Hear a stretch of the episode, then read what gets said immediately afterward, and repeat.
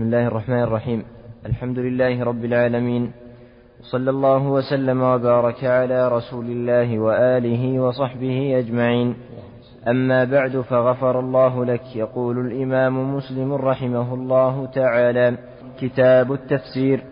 حدثنا محمد بن رافع قال حدثنا عبد الرزاق قال حدثنا معمر عن همام بن منبه قال هذا ما حدثنا أبو هريرة.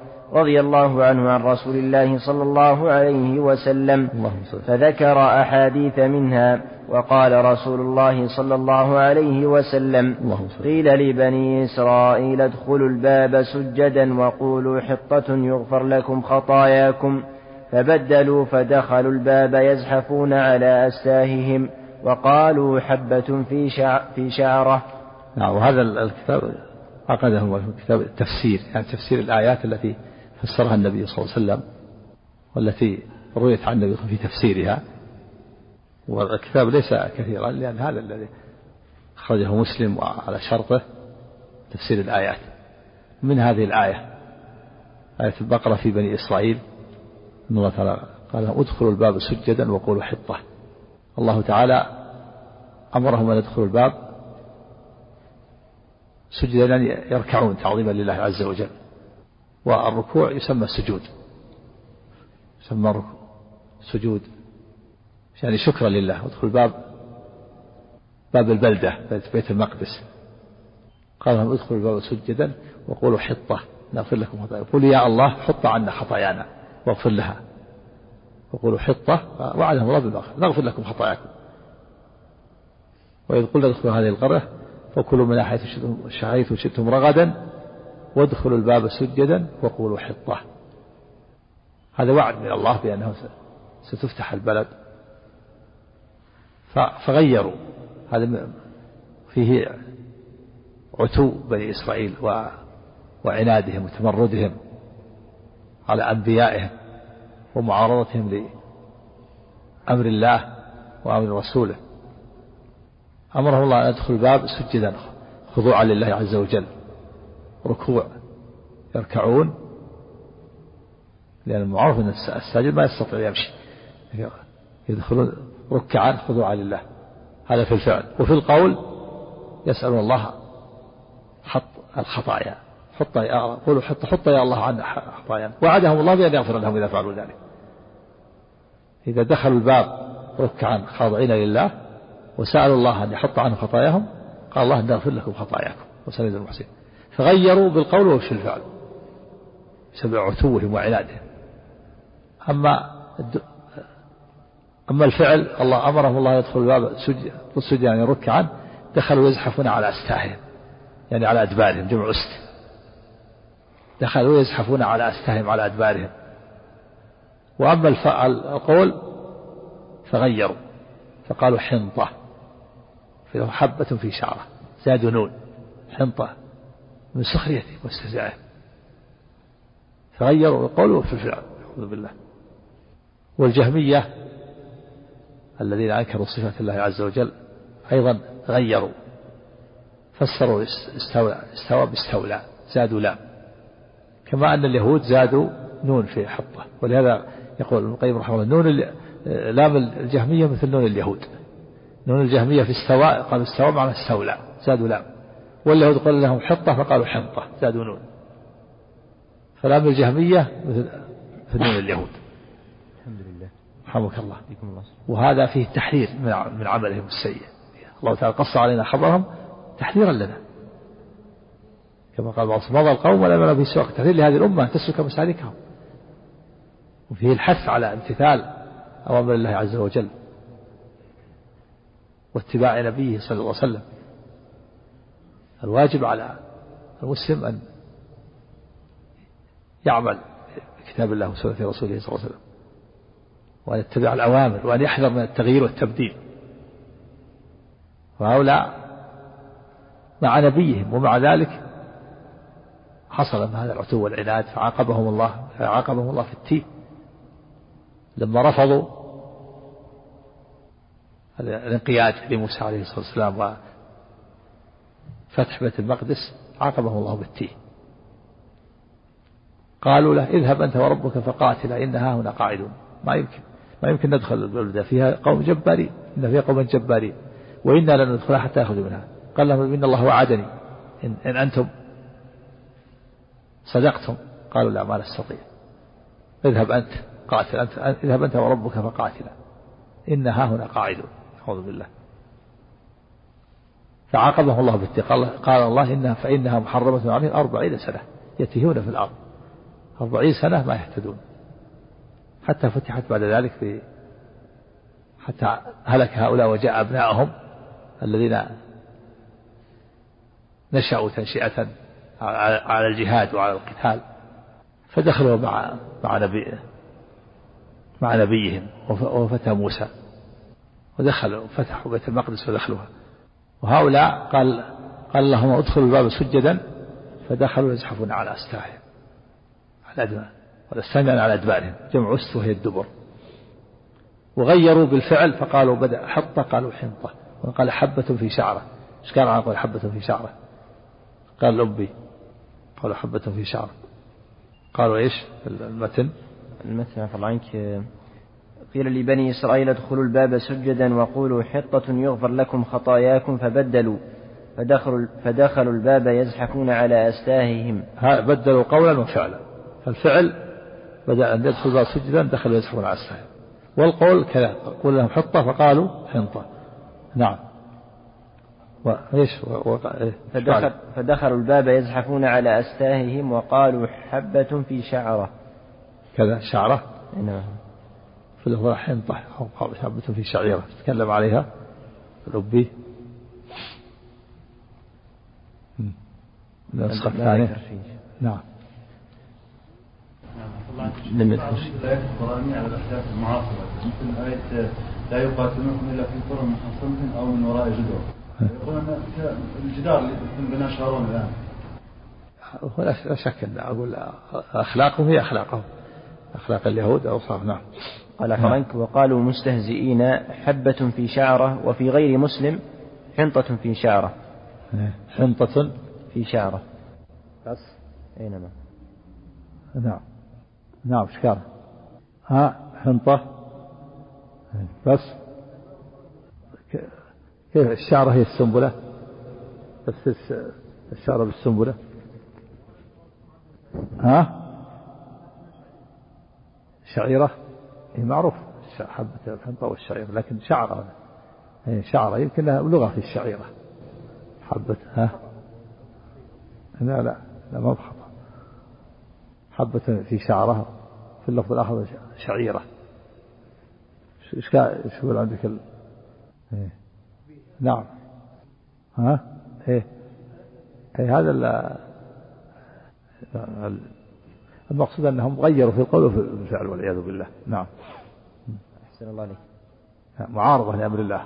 نسأل الله العافية. نعم. شعرة. شعرة؟ لا.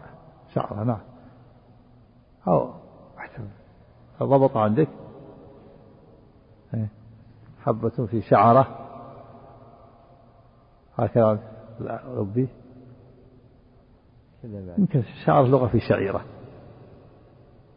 حبة في أو أن الشعر اسم للسنبلة كما ذكر بارك فوري يقول إيش عندك هذا؟ حبة في سنبلة. إيه. حبة في سنبلة يعني حبة في حبة من واحدة من الحبوب التي في السنبلة. نعم. آه معروف معروف السنبلة. نعم. نعم. نعم. حدثني عمرو بن محمد بن بكير الناقد والحسن بن علي الحلواني وعبد بن حميد قال عبد حدثني وقال الآخران حدثنا يعقوب يعنون ابن إبراهيم بن سعد قال حدثنا أبي عن صالح وهو ابن كيسان عن ابن شهاب قال أخبرني أنس بن مالك رضي الله عنه أن الله تعالى تابع الوحي على رسول الله صلى الله عليه وسلم قبل وفاته حتى توفي. وأكثر ما كان الوحي يوم توفي يوم توفي رسول الله صلى الله عليه وسلم. نعم وذلك لإكمال الوحي لإكمال الدين وإتمامه. لإكمال الدين وإتمامه. والله تعالى قال اليوم أكملت لكم دينكم. تابع الله على الوحي فكان أكثر ما يكون في آخر حياته. فصدق على النبي صلى الله عليه وسلم أن خير عمره آخرة وخير عمله خواتمه عليه الصلاة والسلام. فتتبع تبع الله عليه الوحي وكمل الدين ودخل الناس في دين الله أفواجا وانتهت مهمته عليه الصلاة والسلام ولهذا أنزل الله بعد ذلك إذا جاء نصر الله والفتح ورأيت الناس يدخلون في دين الله أفواجا فسبح بحمد ربك واستغفره وكان توابا. يعني أديت الرسالة وبلغت الأمانة وانتهت مهمتك من الدنيا فاستعد للقائنا عليه الصلاة والسلام. فتابع الله على الوحي في آخر حياته حتى كان أكثر ما يكون في آخر حياته كمل الدين؟ لإكمال الدين وإتمامه. ولزيادة الخير في في آخر عمره في آخر عمره وآخر حياته أكثر عملا. من الدعاء المشهور اللهم اجعل خير أعمالنا خواتمها خير اللهم اجعل خير أعمالنا آخرها وخير أعمالنا خواتمها. فكان النبي صلى الله عليه وسلم في آخر عمره هو خير عمل وأكثر عمل. عليه الصلاة والسلام. نعم. نعم. نعم.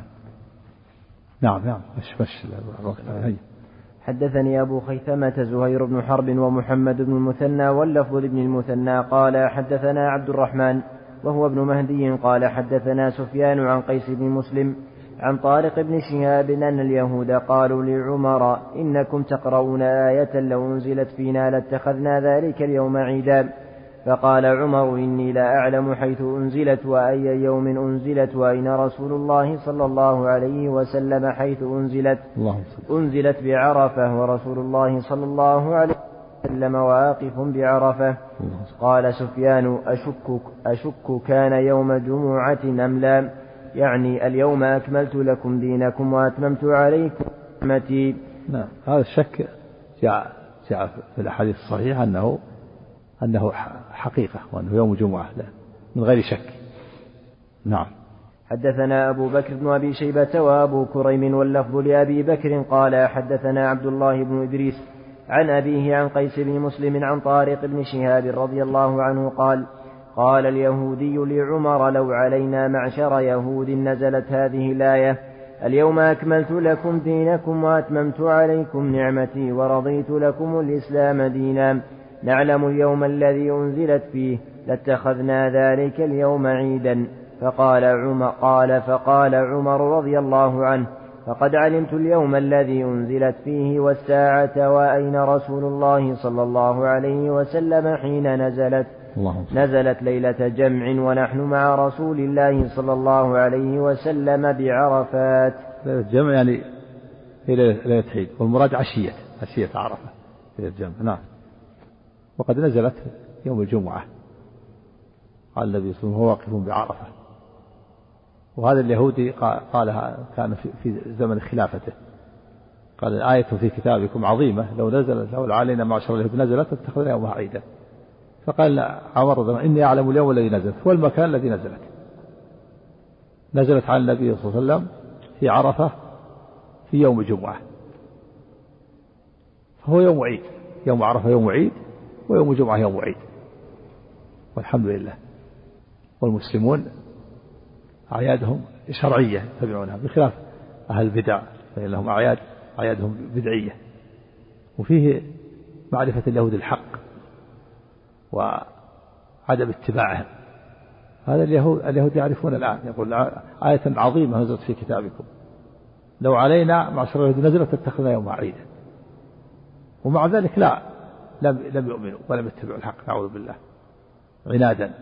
نعم. اي نعم. أهل ذمة في ذلك الوقت. نعم. يحتمل يحتمل أنه في جزء أو في غيره. نعم. نعم. فتحت الشام في زمن عمر. نعم. عفى الله عنك.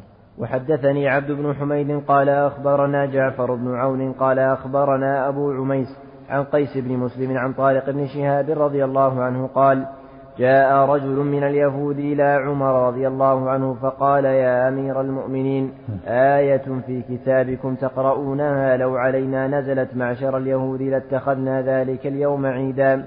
قال وأي آية؟ قال اليوم أكملت لكم دينكم وأتممت عليكم نعمتي ورضيت لكم الإسلام دينا. فقال عمر إني لا أعلم اليوم الذي نزلت فيه. والمكان الذي نزلت فيه نزلت على رسول الله صلى الله عليه وسلم بعرفات في يوم جمعة. نعم. حدثني أبو الطاهر. جاء رجل من اليهود ظاهرا أنه جاء من خارج الجزيرة جاء رجل نعم. حدثني أبو الطاهر أحمد بن عمرو بن سرح وحرملة بن يحيى التجيبي. قال أبو الطاهر حدثنا وقال حرملة أخبرنا ابن وهب. قال أخبرني يونس عن ابن شهاب. قال أخبرني عروة بن الزبير. أنه سأل عائشة رضي الله, رضي الله عنها عن قول الله عز وجل وإن خفتم ألا تقسطوا في اليتامى فانكحوا ما طاب لكم من النساء مثنى وثلاث ورباع قالت يا ابن أختي هي اليتيمة تكون في حجر وليها تشاركه في ماله فيعجبها مالها وجمالها فيعجبه. فيعجب فيعجبه مالها وجمالها فيريد وليها أن يتزوجها بغير أن يقسط في صداقها فيعطيها مثل, مثل, مثل ما يعطي ما يعطيها غير ما يعطيها غيره. مثل ما يعطيها. مثل ما يعطيها غيره نعم. مثل ما يعطيها غيره. أحسن الله فنهوا أن ينكحوهن إلا أن يقسطوا لهن ويبلغوا بهن أعلى سنتهن من الصداق. وأمروا أن ينكحوا ما طاب لهم من النساء سواهن. نعم عائشة فسرت هذه الآية. تفسيرا من النبي صلى الله عليه وسلم وأن هذه في اليتيمة. الله تعالى قال فانكحوا ما طاب لكم من النساء مثنى وثلاثة ورباع. فإن خفتم أن لا تعدلوا فواحدة هذا في دليل على أن التعدد هو الأصل. فانكحوا ما طاب لكم من النساء مثنى وثلاثة. فإن خفتم أن لا تعدلوا فواحدة وأن يقتصر على الواحدة عند خوف العدل وعدم العدل. ثم قال بعد وإن خفتم ألا تقسطوا في اليتامى فانكحوا ما طاب لكم من النساء. فسرت عائشة قد تقسطوا وإن خفتم ألا تقسطوا يعني تعدلوا. في اليتامى جمع يتيمة. قالت فسرت عائشة قالت هذه اليتيمة تكون عند الرجل ويكون هو وليها. وهذا يتصور في في الإنسان الذي يكون ابنة عمه ويكون هو وليها ليس لها ولي أقرب منه ليس لها أب ولا أخ. أقرب وليها ابن عمه فتكون عنده فتنشأ عنده. فإذا كانت جميلة تزوجها يعني برضاها. وإن كانت دميمة تركها. قالت عائشة فكما أنه يتركها إذا كانت دميمة ولا يريدها فكذلك إذا أراد إذا كانت جميلة وأراد أن يتزوجها فلا بد أن يعطيها مهرها كامل. وكانوا ينكحون كان الولي اليتيم ينكحها بغير أن يعطيها صداقا كاملا ينقصها لأنها يتيمة وليس لأحد يطالب بحقها وهو وليها. فنهوا أن ينكحوهن بغير أن يقسطوا يعني يعدلوا في المهر. فيبلغوا بهن أعلى سنتهن في الصداقة يعني أعلى مهورهن ومهور أمثالهن. نهاهم الله إذا أراد أن يتزوجها اليتيمة يعني معروف أن هذا بإذنها يعني بإذنها لا بد أن تأذن واليتيمة إذنها أن أن تسكت.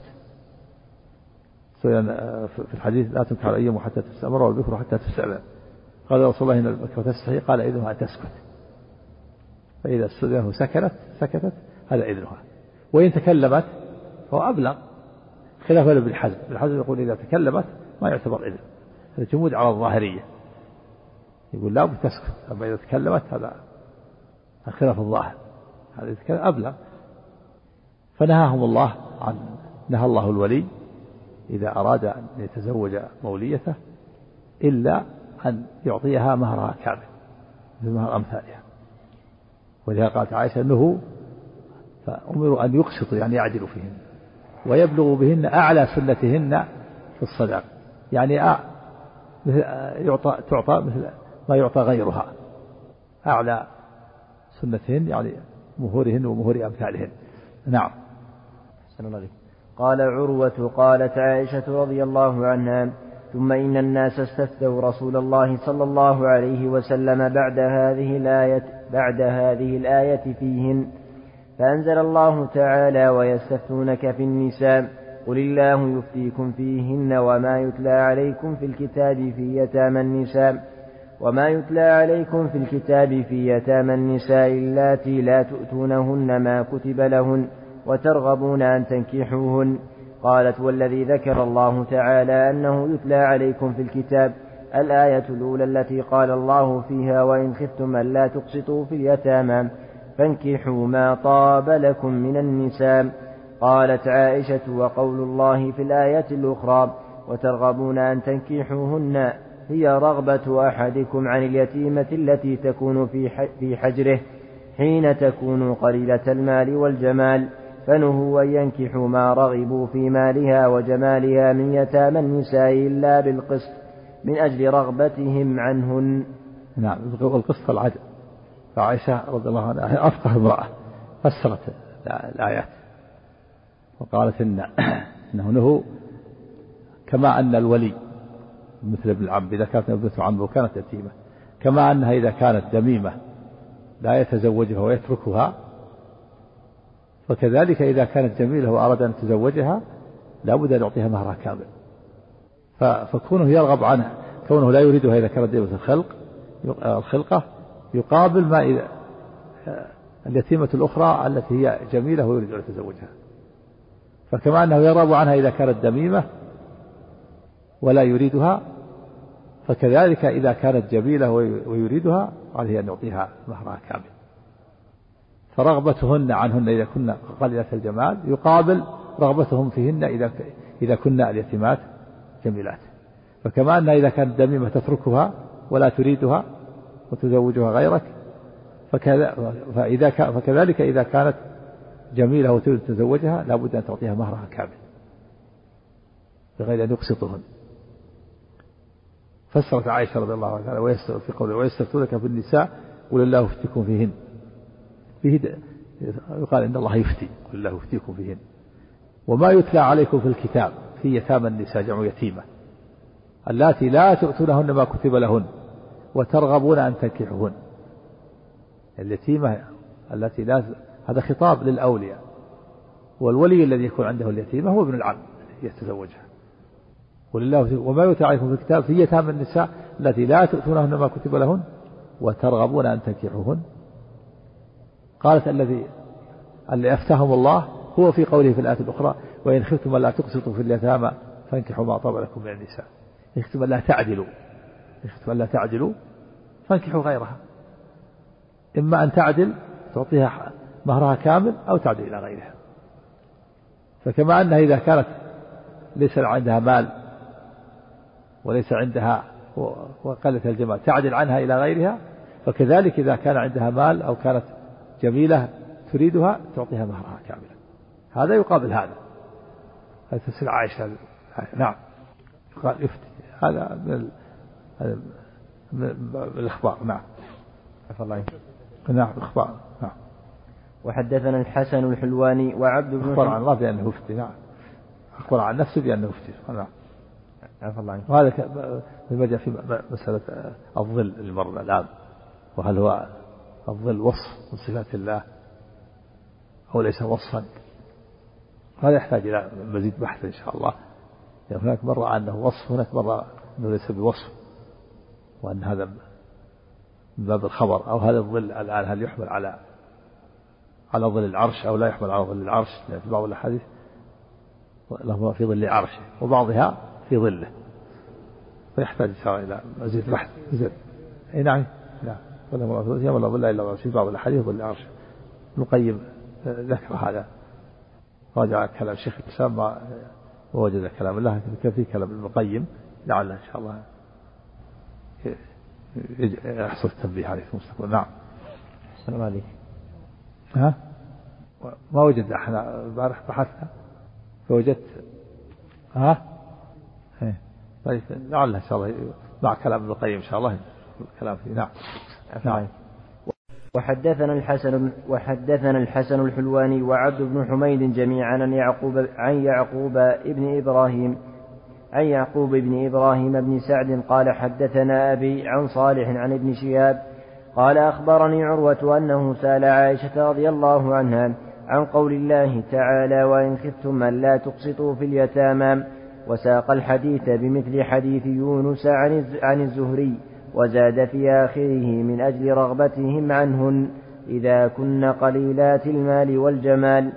حدثنا أبو بكر بن أبي شيبة وأبو كريب قال حدثنا أبو أسامة قال حدثنا هشام عن أبيه عن عائشة رضي الله عنها في قوله وإن خفتم ألا تقسطوا في اليتامى.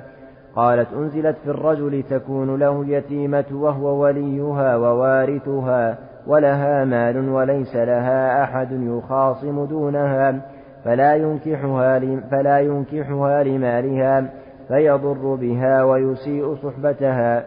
فقال وإن خفتم ألا تقسطوا في اليتامى فانكحوا ما طاب لكم من النساء. يقول ما أحللت لكم ودع هذه التي تضر بها. يعني يعني وزوجها غيرك. يعني نزلت في الولي كابن العم يكون عنده اليتيمة فتكون عندها مال فيضر بها ولا يزوجها بل يبقيها عنده حتى تموت فيرثها لأنه لو زوجها لشاركه زوجها في في إرثها فيضر بها ويتركها إذا كانت قليلة المال. لا يريد أن يتزوجها لأنها ليست جميلة. ولا يزوجها غيره خشية أن يرثها أن يرثها زوجها إذا مات لها مال. فإذا كان لها مال يتيمة ودميمة الخلقة. فهو لا يتزوجها هي هو لأنها دميمة لا يريدها. ولا يزوجها غيره خشية أن يشركه زوجها في إرثها إذا ماتت بل يتركها عنده حتى تموت فيرثها. فالله لا نهى قال وإن ولا تخطوا اليتامى فانكحوا ما طاب لكم من النساء أو الرضاعة والواجب واجب عليه أن يزوجها وأن يتقي الله عز وجل. وهذا يوجد حتى في بعض الزمان يبقيها عنده آه، تخدمه أو تخدم زوجته أو ترعى إبله أو غنمه. وهذا من الظلم والجور. والواجب عليه أن يزوجها وأن يلتمس لإبله أو غنمه خادما أو راعيا. نعم. حدثنا أبو بكر بن أبي شيبة قال حدثنا عبدة بن سليمان عن هشام عن أبيه عن عائشة رضي الله عنها في قوله وما يتلى عليكم في الكتاب في يتامى النساء اللاتي لا, اللاتي لا تؤتونهن ما كتب لهن وترغبون أن تنكحوهن قالت أنزلت في اليتيمة تكون عند الرجل فتشركه في ماله فيرغب عنها أن يتزوجها ويكره أن يزوجها غيره فيشركه, فيشركه في ماله فيعضلها فلا يتزوجها ولا يزوجها غيره. نعم. وهذا من الظلم هذا من الظلم والجور. تكون عندها لها مال ورثته مثلا عن أبيها. وهي ليست جميلة لا يريد أن يتزوجها ولا يريد أن يزوجها غيره خشية أن يشركه في ميراثها إذا ماتت. فيبقيها عنده ويظلمها ويعضلها لا يتزوجها ولا يزوجها حتى تموت فيرثها. فنهاهم الله. نعم. وحدثنا أبو كريب قال حدثنا أبو أسامة قال أخبرنا هشام عن أبيه عن عائشة رضي الله عنها في قوله ويستفتونك في النساء قل الله يفتيكم فيهن الآية قالت هي, هي اليتيمة التي تكون عند الرجل لعلها أن تكون قد شركته في ماله حتى في العتق فيرغب عنها يعني أن ينكحها ويكره أن ينكحها رجلا فيشركه في ماله فيعضلها. نعم لعله يشركه حتى في العتق. العتق بفتح العين النخلة أو النخلات حتى يكون في بستان مشترك. لأن جدهم واحد بنت عمه. فيكون آه، تكون شريكة له في المال. حتى تشرك في العقد في النخلات في البستان. لها جزء منه وله جزء منه. هي بنت عمه. وجدهما واحد. أما أما العذق بكسر النون فهو القنو. القنو يقول العذق وأما العذق النخلة والدخلات. تشركوا في العذق نعم. فهو يبقي يظلمها لا يتزوجها لأنها دميمة ليست جميلة لا يرغبها. ولا يزوجها غير خشية أن يطالب الزوج يشارك في مالها. صار الزوج وتوفيت شارك في مالها وإذا يؤذيه لا يريد أن يشرك أحد. فيظلمها والعياذ بالله. نعم. فنهاهم الله عن ذلك. نعم. أحسن الله عليك. حدثنا سبب نزول. الآية نعم. حدثنا أبو بكر بن أبي شيبة قال حدثنا عبدة بن سليمان عن هشام عن أبيه عن عائشة رضي الله عنها في قوله ومن كان فقيرا فليأكل بالمعروف. قالت أنزلت في والي مال اليتيم الذي يقوم عليه ويصلحه إذا كان محتاجا أن يأكل منه. نعم هذا تفسير الآية وكان فقيرا فليأكل بالمعروف إذا كان ينميه ويصلحه وكان فقيرا يأكل منه. يأكل قال بعض الناس يأكل الأقل من كفايته أو أجرة أمثاله. وإن استعفف استعف هو أفضل. وما كان إذا كان غنيا عليه أن يستعفف. وإن كان فقير بحيث أنه يتفرغ لتنمية مال اليتيم فيأكل الأقل من أجرته أو كفايته. إذا كان أجرة أمثاله عشرة وكفايته ثمانية يأخذ ثمانية.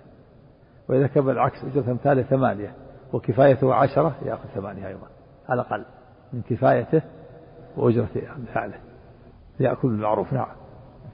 وحدثناه أبو كريب قال حدثنا أبو أسامة قال حدثنا هشام عن أبيه عن عائشة رضي الله عنها في قوله تعالى ومن كان غنيا فليستعفف ومن كان فقيرا فليأكل بالمعروف قالت أنزلت في ولي اليتيم أن يصيب من ماله إذا كان محتاجا بقدر ماله بالمعروف وحدثناه أبو كريب قال حدثنا ابن نمير قال حدثنا هشام بهذا الإسناد. حدثنا أبو بكر بن أبي شيبة قال حدثنا عبدة بن سليمان عن هشام عن أبيه عن عائشة رضي الله عنها في قوله عز وجل إذ جاءوكم من فوقكم ومن أسفل منكم وإذ زاغت الأبصار وبلغت القلوب الحناجر. قالت كان ذلك يوم الخندق. حدثنا أبو نعم. يعني تفسير الآية يوم الخندق وغزوة الأحزاب. جاءوكم الأحزاب الكفر اللي تحزبوا وتجمعوا وأحاطوا بالمدينة إذ جاءوكم من فوقكم ومن أسفل منكم. وإذ زاغت الأبصار وبلغت القلوب الحناجر وتظنون بالله الظنون يقول هذه الآيات نزلت في الأحزاب في غزوة الأحزاب. سمى غزوة الخندق لأن حفر الخندق حفر حول المدينة. حفره النبي صلى الله عليه وسلم والمسلمون بمشورة سلمان الفارسي. قال هذا كان عندهم في فارس لما جاءوا الأحزاب وتحزبوا وأحاطوا المسلمين جميعا أشار سلمان رضي الله عنه إلى أن يحفر يحفر خندق حول المدينة ويجعل مداخل والمداخل يكون فيها فيها حرس وبوابين. فلما جاءت جاء الأحزاب وجاء الكفرة وجاءت خيلهم يدخل المدينة وجدوا المدينة كلها محاطة بحفر ما تستطيع. حفر واسع. تسقط الخيل والإبل. فقال بعضهم هذه مكيدة ما كانت العرب تعرفها. جعلوا أمكنة مخصصة للدخول لدخول المدينة. نعم. سميت حفر غزوة الخندق للحفر اللي حوله وتسمى غزوة الأحزاب لتحزب الكفر وتجمعهم ومجيئهم وإحاطتهم بالمسلمين. نعم. الله إذ إذ جاءوكم الآية إذ جاءوكم الآية الكريمة. نعم. حدثنا أبو بكر بن أبي شيبة قال حدثنا عبدة بن سليمان قال حدثنا هشام عن أبيه عن عائشة رضي الله عنها و وإن امرأة خافت من بعدها نشوزا أو إعراضا. الآية قالت أنزلت في المرأة تكون عند الرجل فتطول صحبتها فيريد طلاقها فتقول لا تطلقني وأمسكني وأنت في حل مني. فنزلت هذه الآية. نعم. فلا جناح عليهما أن يصلح بينهما صلحا والصلح خير. وإن خافت من بعدها نشوزا وعراضا فلا جناح عليهما أن يصلح بينهما والصلح خير. تكون المرأة عنده ويريد أن يطلقها وتكون عندها لها أولاد أو كذا ولا تريد أن يطلقها فتقول أنا أسقط بعض حقي وتبقيني. فتسقط بعض حقها. مثل ليلتها أو بعض النفقة. ومن هذا من هذا باب أن سودة بنت زمعة رضي الله عنها زوج النبي صلى الله عليه وسلم لما كبرت سنها وخشيت أن يطلقها النبي صلى الله عليه وسلم قالت يا رسول الله تبقين عندك وأهب ليلتي لعائشة. فبقيت عند النبي صلى الله عليه وسلم وصار يقسم لعائشة ليلتين. وإن امرأة خافت من بعدها نشوزا أو إعراضا فلا جناح عليهما أن يصلح بينهما صلحا والصلح خير فإذا أسقط بعض حقها فلا بأس. ومن هذا زواج المسيار زواج المسيار الآن. ويتفق معها على أن تسقط بعض حقها. تسقط ليلة ليس لها ليلة أو تكتفي منه بأن يأتي ليلة في الأسبوع أو كذا تسقط بعض حقها فالحق لها لا يعدها وإذا أراد أن ترجع فيما بعد لها أن ترجع.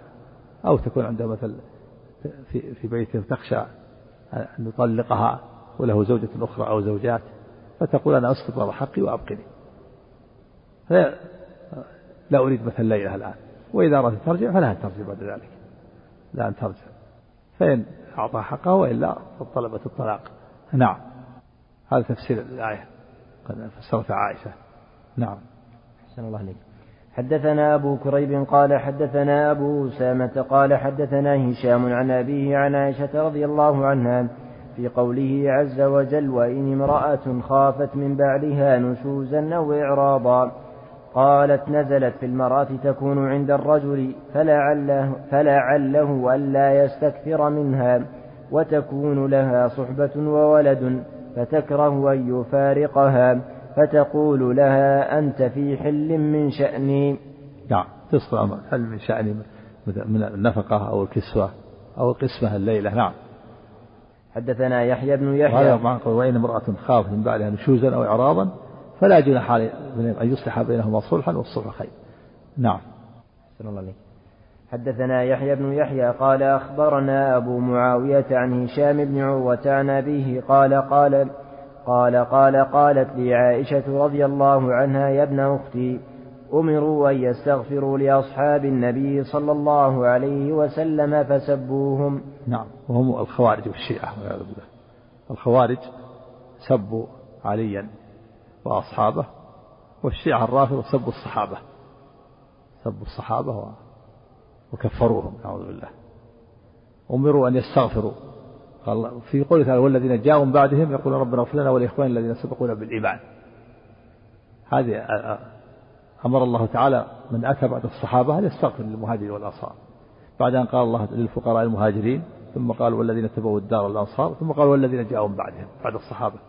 يقولون ربنا اغفر لنا ولإخوان الذين سبقونا بالإيمان. أمروا بأن يستغفروا لمن سبقهم. فسبوهم. يعني الخوارج سبوا عليا وأصحابه. سموا النواصب نصبوا العداوة لأهل البيت. نصبوا العداوة لأهل البيت. سموا نواصب سموا الخوارج والرافضة سبوا الصحابة وكفروهم. أمروا أن يستغفروا لهم فسبوهم. أعوذ بالله. نعم. فسرت عائشة عن هذه والذين جاءوا من بعدهم يقولون ربنا اغفر لنا ولإخواننا الذين سبقونا بها قد أمروا أن يستغفروا لهم فسبوهم نعم. أحسن الله عليك. وحدثنا هو أبو بكر بن أبي شيبة قال حدثنا أبو أسامة قال حدثنا هشام بهذا الإسناد مثله. حدثنا عبيد الله بن معاذ العنبري قال حدثنا أبي قال حدثنا شعبة عن المغيرة بن النعمان عن سعيد بن جبير قال اختلف أهل الكوفة في هذه الآية. ناقف على هذا. طبعا في كلام اللبي يقول صار جهلة الرافضة وطائفة من أهل الظاهر إلى أنه يجوز أن يتزوج تسعا من هذه الآية مثنى وثلاث ورباع. رأوا أن الواو جامعة وجعلوا جهلة وقال إيش؟ قال عفى الله عنه قال الأبي صار جهلة الرافضة وطائفة من أهل الظاهر إلى أنه يجوز أن يتزوج تسعا من هذه الآية. ورأوا أن الواو جامعة وجعلوا مثنى وثلاث ورباع اثنين اثنين وثلاثة وثلاثة ثلاثة. قال تعالى جاعل الملائكة رسلا أولي أجنحة مثنى وثلاث ورباع فإنه معلوم على القطع أنه لم يرد أنه لم يرد جميع هذه الأعداد لكل ملك لكل ملك. يعني بعض الرافضة يقول مثنى وثلاثة ورباع يقول اثنين وثلاثة وأربعة الجميع تسع. وبعضهم قال إنها معدول مثنى معدول عن اثنين اثنين والثلاثة ثلاثة ثلاثة وأربعة أربعة أربعة فيكون 18 قال بعضهم جاء 18 هذا من توية الرافضة قد يجوز من هذه الآية. بعضهم قال تسع اثنين وثلاثة وخمسة تسعة بعضهم قال لا اثنين معدول عن اثنين اثنين مكرر. وثلاثة ثلاثة.